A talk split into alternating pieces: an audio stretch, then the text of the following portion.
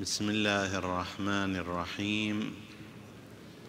والصلاة والسلام على أشرف الأنبياء والمرسلين. سيدنا أبي القاسم المصطفى محمد.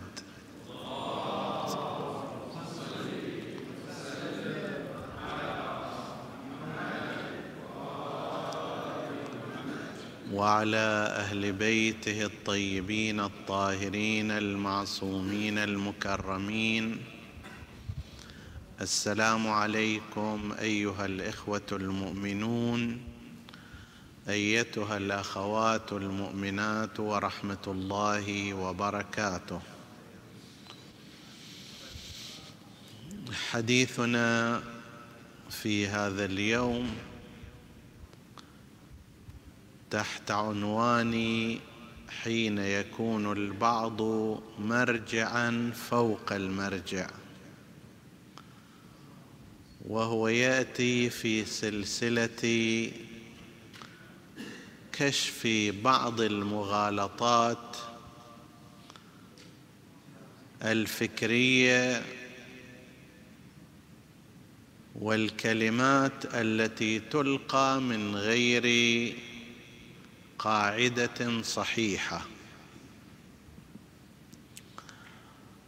يفترض أن العلاقة الطبيعية في المجتمع الشيعي أن تكون هناك قيادة دينية يطلق عليها المرجعية أو المرجع الديني أو الفقيه. وقد ذكرت الأحاديث الكثيرة التي استدلوا بها في هذا الباب بالإضافة إلى بعض الأدلة العقلية لزوم وجود خبير من الناحية العلمية وورع من الناحية العملية يفتي الناس في أمورهم الدينية. هذه العملية رجوع الناس إلى المرجع الديني يطلق عليها في الاصطلاح التقليد. التقليد وإن كان له معاني كثيرة تتبادر إلى الذهن منها جعل القلادة وكأن الإنسان يجعل عمله قلادة في عنق ذلك الفقيه أو قد تعني بالمعنى المتعارف. التقليد يعني أن يعمل هذا الشخص نفس ما يعمله ذلك. فهذا يقلد عليه وذاك يقلده. بالمعنى الأول يقلده هذا المعنى الثاني يقلد عمله. ويقلد عليه ويسلك نفس الطريقة. الآن نحن لسنا في صدد الحديث عن الأدلة التي أقيمت على شرعية هذه القضية. المفروض أنها تممت في الاستدلال عليها بالذات في بحوث الفقه فإن من أول أبواب الفقه في الرسائل العملية هو باب التقليد ولمن أراد التفصيل يستطيع الرجوع إلى ما أقاموه من الأدلة العقلية والأدلة الشرعية النقلية على مثل هذا الأمر وانتهوا إلى أن الإنسان لما كان مخاطبا بالتكاليف الواجبة عليه كالصلاة والصيام والحج والزكاة وأمثال ذلك فإن لهذه كيفيات ولها أحكام إما أن يكون هو الشخص فيها مجتهدا بمعنى أنني أنا لا أريد أن أقلد احدا فاذا يجب علي أن أذهب وأنظر في الروايات وأتوصل إلى نتائج إذا كنت من أهل ذلك تفيدني أن كيفية الصلاة هكذا؟ ولو حصل شك يجب أن أفعل كذا. ولو سهوت عن فعل يجب أن أفعل كذا. فالإنسان هو نفسه يكون فقيه نفسه يكون مجتهدا وهذا باب مفتوح. لو أن انسانا وجد في نفسه القدرة على الاجتهاد والاستنباط ووجد فراغا في حياته لهذا الأمر. خليه يروح إلى هذا الجهة. وآنئذ هذا المجتهد لا يجوز له أن يقلد غيره حتى فإما أن يكون الإنسان مجتهدا أو لا ظروف الحياة في هذه الأزمنة لا تمكن الإنسان من قراءة عشر صفحات في اليوم. من الكتاب العادي هو مشغول بعمله وكسب معاشه وإدارة أهله. من الصباح إلى المساء كما هو الغالب في الناس فإذا هو لا يستطيع هذا الأمر الأول. فيقال له اذا تستطيع أن تكون محتاطا بمعنى أنك في كل مورد من الموارد ترى أحوط الأقوال. زين؟ لنفترض مثلا في الحج. التظليل في الليل هل هو جائز أو غير جائز؟ هناك من العلماء من يقول إنه جائز وهناك من يقول لا الليل والنهار حكمهما واحد. الاحتياط هنا ماذا يقول؟ اعمل بأحوط الأقوال وهو أن تحتاط بعدم التضليل في الليل أيضا. لنفترض المسافة السفرية هل يصدق علي في هذا الموضع أنه أنا كثير السفر أو لست كثير السفر؟ اختلاف بين العلماء.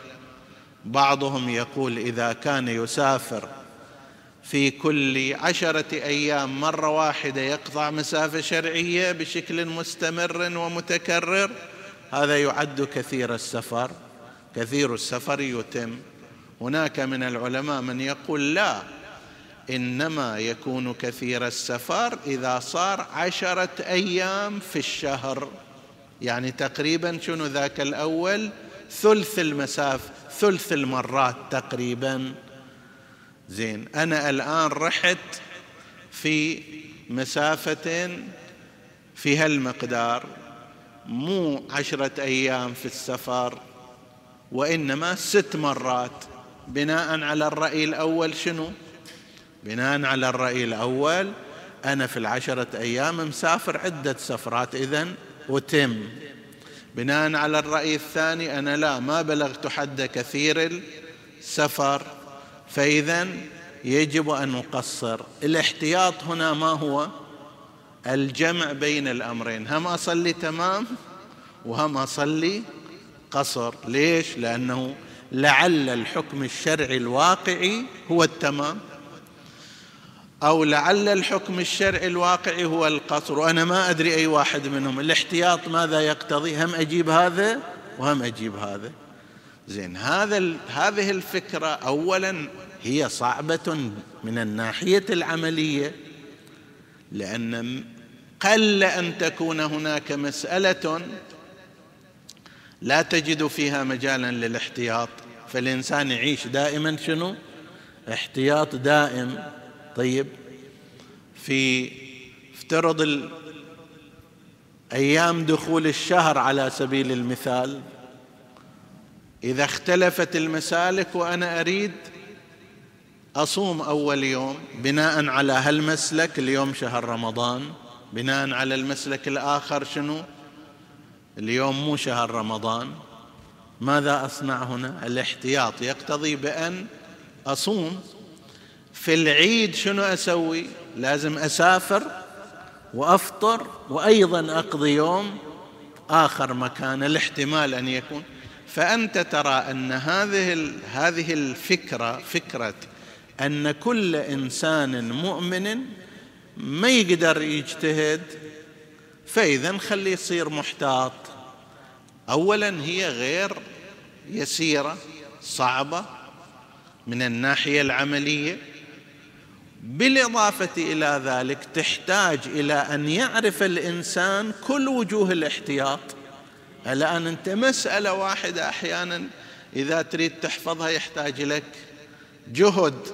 فكيف تحفظ المسألة على رأي هذا وعلى رأي ذاك وعلى رأي الثالث؟ وتحتاط فيما بينهم فيما بعد. هذا أيضا طريق غير سليم يعني غير متيسر. للإنسان العادي بل لأكثر الناس. ولذلك يندر أن تجد شخصا يعيش حياته كلها وهو محتاط في الأحكام. يجمع في موارد الجمع ويأخذ بالأقصى والأكثر في غير موارد الجمع. هذا أمر صعب. اذا يبقى الطريق الثالث وهو طريق التقليد. وطريق التقليد هو الطريق الشائع فهو من جهة ممضى من الناحية الشرعية فللعوام أن يقلدوه وأمثال ذلك ما فإنهم حجتي عليكم وأنا حجة الله. وأمثال ذلك هذا ممضى من الناحية الشرعية وأنا لا يحملني مسؤولية أن أروح أبحث في كل مسألة بدليلها. ولا يحملني أيضا مسؤولية الجمع في الاحتياطات. ولذلك سلك هذا الطريق عند عامة المؤمنين. هذه العملية هي عملية التقليد. التقليد يفترض فيه أن الإنسان بعدما عرف أصل المسألة وهي لزوم التقليد لفقيه ورع عارف بالأحكام أن يقلده وأن يمشي على وفق فتاواه من غير مطالبة بالضرورة بأدلته. يعني الفقيه في هذه الحالة مرجع التقليد ليس مطالبا أمامي أنه مثلا أنت ليش اتخذت هذا الرأي الفقهي؟ تعال برر إلي ما هي الأسباب التي دعتك في ذلك. ليس مسؤولا عن ذلك. هذا لو أردنا أن نمثله تقول لواحد لنفترض يشتغل هندسة خلى هالمقدار من الحديد في الصبية أو الخرسانة تجي تقول له لازم تقول لي ليش سويت هالمقدار مو أكثر مو أقل. سيقول لك مثلا بشكل عام أن الأحمال تتطلب هذا المقدار. أنت تساله وش يعني الأحمال؟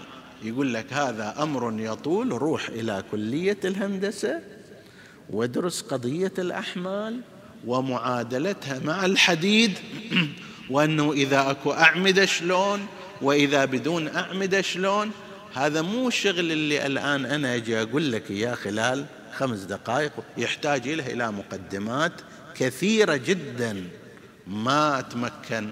وإلا إذا طلبنا من مهندس أنه تعال قل لي هذا العمود ليش هالثخن مو هالشكل؟ وليش مو أكبر من هذا المقدار؟ ولماذا كمية الحديد في هذا المقدار؟ ولماذا وضعت فيها المكان مو ذاك المكان؟ سيقول لك أنا مهندس وأعرف شغلي. وأنت إذا تريد إما نقعد فد قاعدة مفصلة مال أبو كذا من الساعات حتى أشرح لك كل شيء بس هذا لا يتيسر لي. نفس الكلام بالنسبة إلى الفقيه. ولذلك قالوا التقليد هو اتباع الفقيه من غير مطالبة بالدليل لأنه إما أن يكون هذا الفقيه على خطأ هذا خلاف فقاهته وأنه أنت لنفترض ترى أن كلامك هو الصحيح بينما هو كلامه مو صحيح زين هذا يصير أنت الفقيه وليس هو. أو أن يكون الإشكال من جهة تورعه. هذا يعرف الحقائق ولكن يقول هالشكل وهذا مخالف لورعه. لذلك اشترط في الفقيه والمرجع مو بس أن يكون عالما وإنما أن يكون عادلا ورعا. المرحوم السيد محمد سعيد الحكيم رحمة الله عليه كان يقول العدالة اللي نشترطها هو يشترطها يعني في مرجع التقليد غير العدالة في شاهد الطلاق وغير العدالة في إمام الجماعة. شيء أكبر من هذا وأعظم من هذا. فإحنا اذا من جهة لا سمح الله كذبه مطمئنون. ليش؟ لأننا نعتقد فيه العدالة بدرجتها العالية والورع بدرجته الكبيرة. من جهة الخطأ نحن نعتقد أنه هذا فقيه وبالتالي أدوات الاستنباط الشرعي بيده. زين. هذه هي الحالة الطبيعية والقاعدة هكذا. أن يكون هناك قائد ديني على درجة الاستنباط والاجتهاد أو الأعلمية في الجهة العلمية وعلى درجة الورع بل العدالة في أعلى درجاتها فهذه هي الحالة الطبيعية.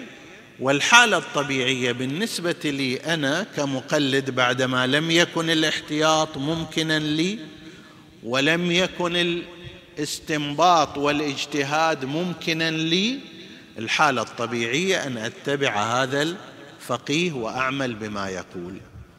ما الذي يحصل في خلاف القاعدة أحيانا؟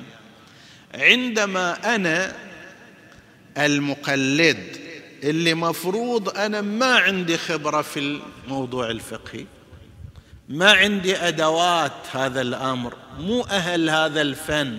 نعم لو رحت ودرست وتخصصت أصير مثل ذاك الفقيه. لكن الآن فعلا ليس عندي هذا. هذه الأدوات وهذه القدرة وهذه الإمكانية. فماذا يحصل؟ أحيانا مثلي وأمثالي يصبح مرجعا فوق المرجع وهذا هنا الخطأ الجلي. فاجي اتساءل لماذا فعل هذا الفقيه هذا الأمر ولم يفعل ذلك الأمر؟ وانت الآن تجد هذا الكلام شائع في وسائل التواصل. لماذا المرجعية تصنع كذا ولا تصنع كذا؟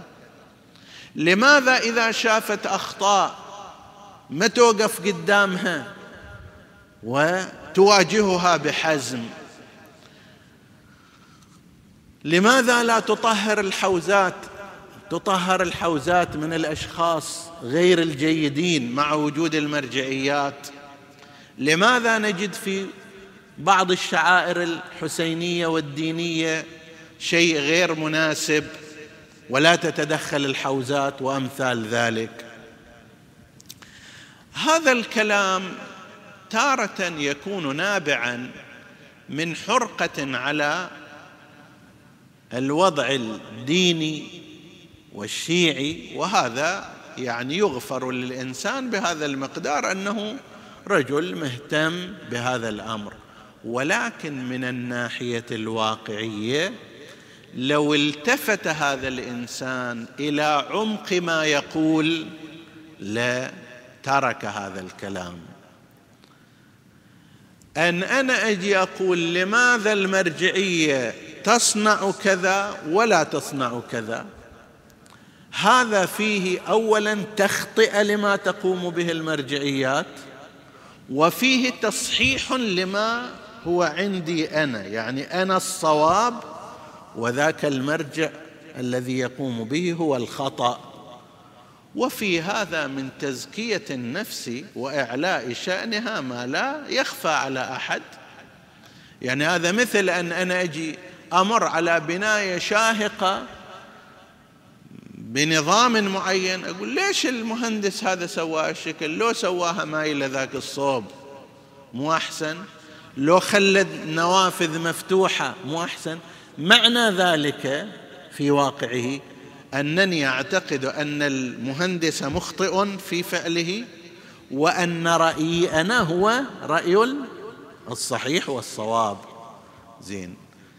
أن يجي إنسان ويقول للآخرين لو واحد يجي قال لك ترى أنا رأيي هو الصحيح هو الصواب.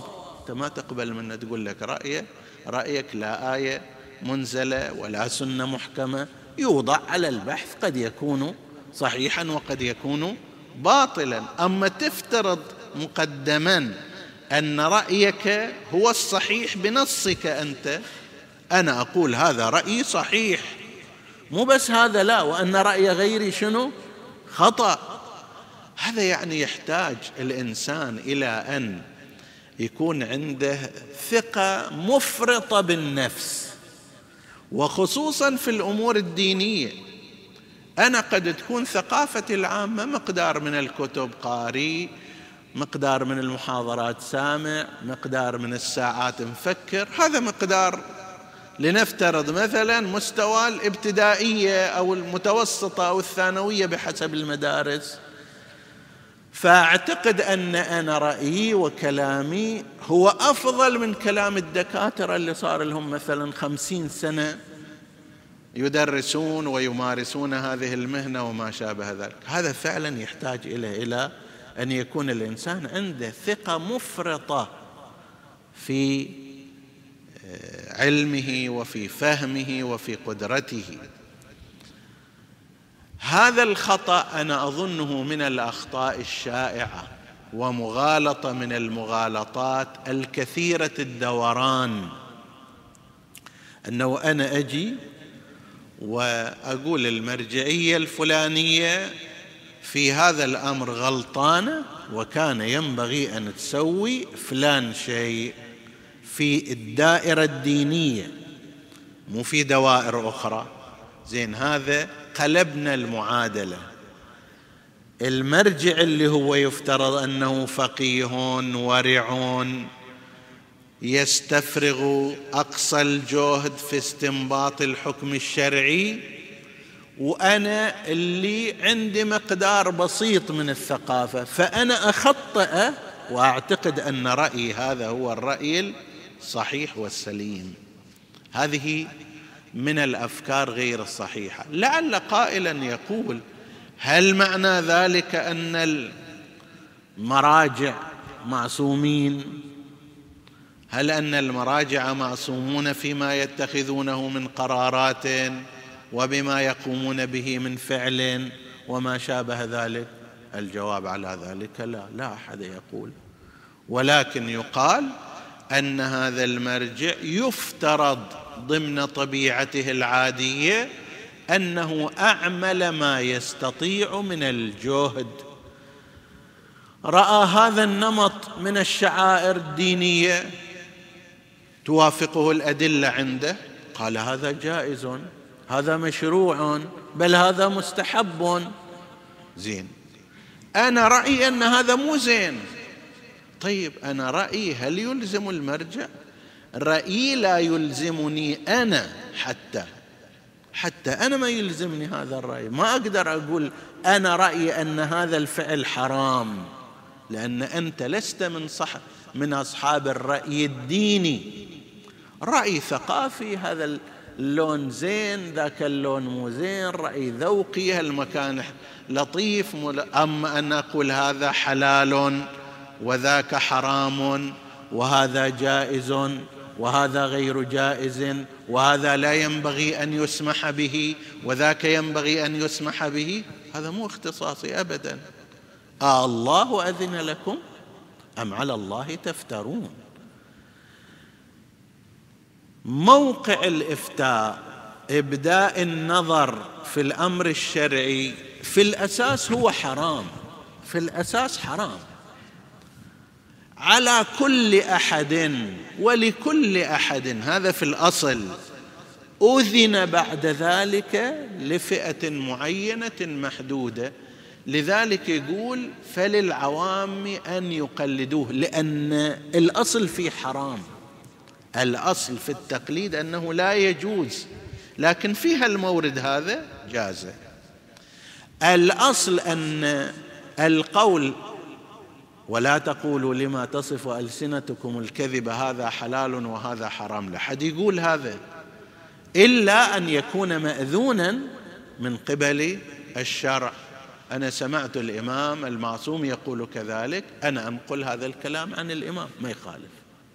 لأن الإمام المعصوم مأذون في ذلك. أنا سمعت فقيها يقول هذا حلال. أو هذا حرام أو هذا واجب أو هذا غير واجب هذا ممن أجيز النقل ممن أجيز النقل عنهم بهالاعتبار رأي فلان عالم رأي فلان فقيه. أما أنا أجي أقول أنا رأيي كذا رأيك حتى إلك مو صحيح في الأمر الديني. في غير الأمر الديني يقول رأيي ما يخالف. والله رأيي هالأسود هذا هالقماش ألطف من ذاك القماش ما حد يقول لك. أنت لا تنسبه إلى الشرع ولا تنسبه إلى الدين. رأيي أن هالمنطقة أحلى من ذيك المنطقة مو أمر ديني هذا. أما إذا وصلت القضية إلى الأمر الديني هذا بعد يصير أن الإنسان عندما يقول مثلا هذا المرجع يصنع كذا ولا ليش ما يحرم هذا المرجع؟ الديني فلان شيء. هذا شغله. لم يجد في الأدلة الشرعية ما يلزمه بتحريم هذا. لماذا يحلل هذا المرجع كذا؟ لم يجد. ذلك المرجع شيئا يمنعه عن تحليل هذا الأمر. أنت تستطيع بأدوات ذلك بأدوات ذلك كفقيه آخر متمكن من الاستنباط متمكن من الاستدلال أن تروح تقول لذاك الفقيه رأيك الفلاني معتمد على كذا وكذا وكذا وهذه الأدلة نناقشها بكذا وكذا وكذا. ما حد يقول لك لا. أنا أقول هذا لماذا؟ لأنه بالفعل أحيانا تجد يعني في الجروبات في وسائل التواصل في المناقشات في الجلسات. طيب يصبح كل واحد من الحاضرين مرجع على المراجع. يصبح مرجعا على المراجع. لماذا قالوا هكذا؟ هو لماذا قالوا هكذا؟ معناه أنهم مخطئون وأنا اللي أقوله هو الصحيح. لماذا حللوا هذا ولم يحرموا؟ لماذا لم يمنعوا؟ لماذا منعوا؟ لماذا كذا؟ فهذه تصير بعد أن يتحول إنسان ذو مستوى عادي في الفهم الديني يصبح مرجعا فوق المرجعيات. ويصبح بهالمقدار من البضاعة القليلة اللي عنده في الأمر الديني قائدا على القيادات الدينية ومخطئا لأحكامها وتوجهاتها. واحيانا يعني من باب أنه أنا كلش مثلا فاهم وعالم أخطئ هذا وذاك وأنتقد هذا وذاك مع أنه هذا الموقع ليس لي. هذا الموقع ليس لي هذا الموقع هو موقع الاستدلال موقع الاستنباط مو موقع الذوقيات ولا بادئ الرأي والنظر. لو جيت إلى مهندس وقلت له مثلا هذا العمود مشوه المكان هالشكل ليش ما شلتوه أصلا؟ راح في نفسه هذا المهندس راح يقول هذا الرجل يتبين ما عنده فهم ومعرفة إلى كيفية حمل السقف على إلا بطرق معينة وهذه تدرس في الهندسة. نعم أنا إذا كنت دارس هندسة عندي معرفة بذلك أقدر أقول له لا. هذه الطريقة إحدى الطرق أكو هناك طريقة أخرى لنفترض نصف دائرة لنفترض ما أدري البيمات الطويلة كذا كذا هذه بعد تفاصيل اللي عندهم هم. آنئذ أنا أناظر المهندس وأناقشه بعلم بمعرفة. كذلك في هذا الموقع ينبغي أن يلتفت المؤمنون إلى أن قضية كون إنسان مرجعا فوق المرجع وقائدا فوق القائد. هذا من الأمور الخاطئة والإنسان ينبغي أن يعرف موقعه الحقيقي. أنت مجتهد؟ نعم. توكل على الله. اذهب وناقش العلماء بأدواتهم وبأدلتهم وبطرقهم. لست مجتهدا. من باب النصيحة تريد تقدمها جيد ولكن هذه ليست ليست بهذه الطريقة. طريقة هي أنه لنفترض يصير تواصل مع الجهات المرجعية ومو على الملأ بهذه الطريقة بحيث أي إنسان ينظر إليها يتوقع أن هذا المرجعية تقوم بكذا أمور مخالفة وغير صحيحة ولا سيما إذا كان شخص يوثق به. تتعال إذا كان موضوع نقاش علمي ناقش بالأدلة. وناقش هناك مو في الجروب. إذا لا مو هالشكل وإنما أنت من حرقة قلب من نصيحة أوصل هذا. لكن إيصاله إلى الناس العاديين لا ينفع شيئا. وإنما ينبغي أن يصل إلى المكان المعتاد إلى ما ينفع في التأثير إلى المرجع إلى الجهاز المرجعي إلى من يمكن أن يؤثر بشكل مباشر. نسأل الله سبحانه وتعالى أن يوفقنا وإياكم إلى كل خير وأن يدفعنا وأن يدفع عنا وعنكم كل شر. إنه على كل شيء قدير. وصلى الله على محمد وآله الطاهرين.